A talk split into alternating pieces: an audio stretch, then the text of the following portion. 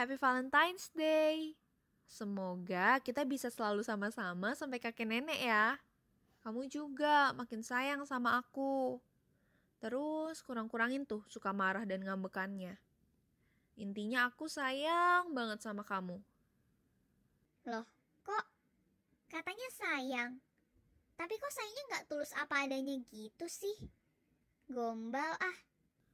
Ya, begitulah kasih manusia. Terbatas. Tapi tahu gak kalian, ada yang mengasihi kita dengan luar biasa loh.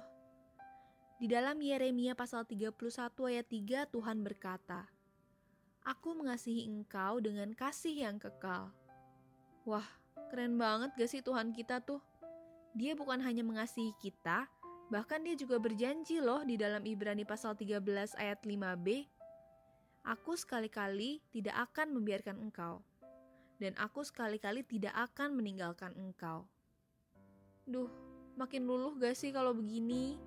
Bayangin aja, dia mengasihi kita dengan kasih yang kekal dan berjanji gak akan membiarkan kita bahkan meninggalkan kita.